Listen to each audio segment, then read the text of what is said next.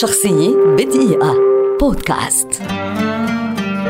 إيميلي بلانت ممثلة مسرحية وسينمائية بريطانية أمريكية شهيرة ولدت عام 1983 وتعد واحدة من أبرز نجمات السينما على مستوى العالم في وقتنا هذا. بدأت مشوارها الفني عام 2001 عندما مثلت في مسرحية العائلة الحاكمة وبعد سنتين في عام 2003 ظهرت للمرة الأولى على شاشة التلفاز في الفيلم التلفزيوني الملكة المحاربة. عام 2006 حصلت على جائزة جولدن جلوب لأفضل ممثلة مساعدة لأدائها في فيلم الدراما التلفزيوني Gideon's Daughter ورشحت في العام نفسه لجائزة جولدن جلوب لأفضل ممثلة مساعدة في فيلم سينمائي وجائزة بافتا لأفضل ممثلة في دور ثانوي لأدائها في فيلم The Devil Wears Prada إلى جانب الأسطورة الحية ميريل ستريب كما شاركت في بطولة فيلم الدراما السينمائي Irresistible. في عام 2007 ظهرت بلنت في أربعة أفلام هي Wind Chill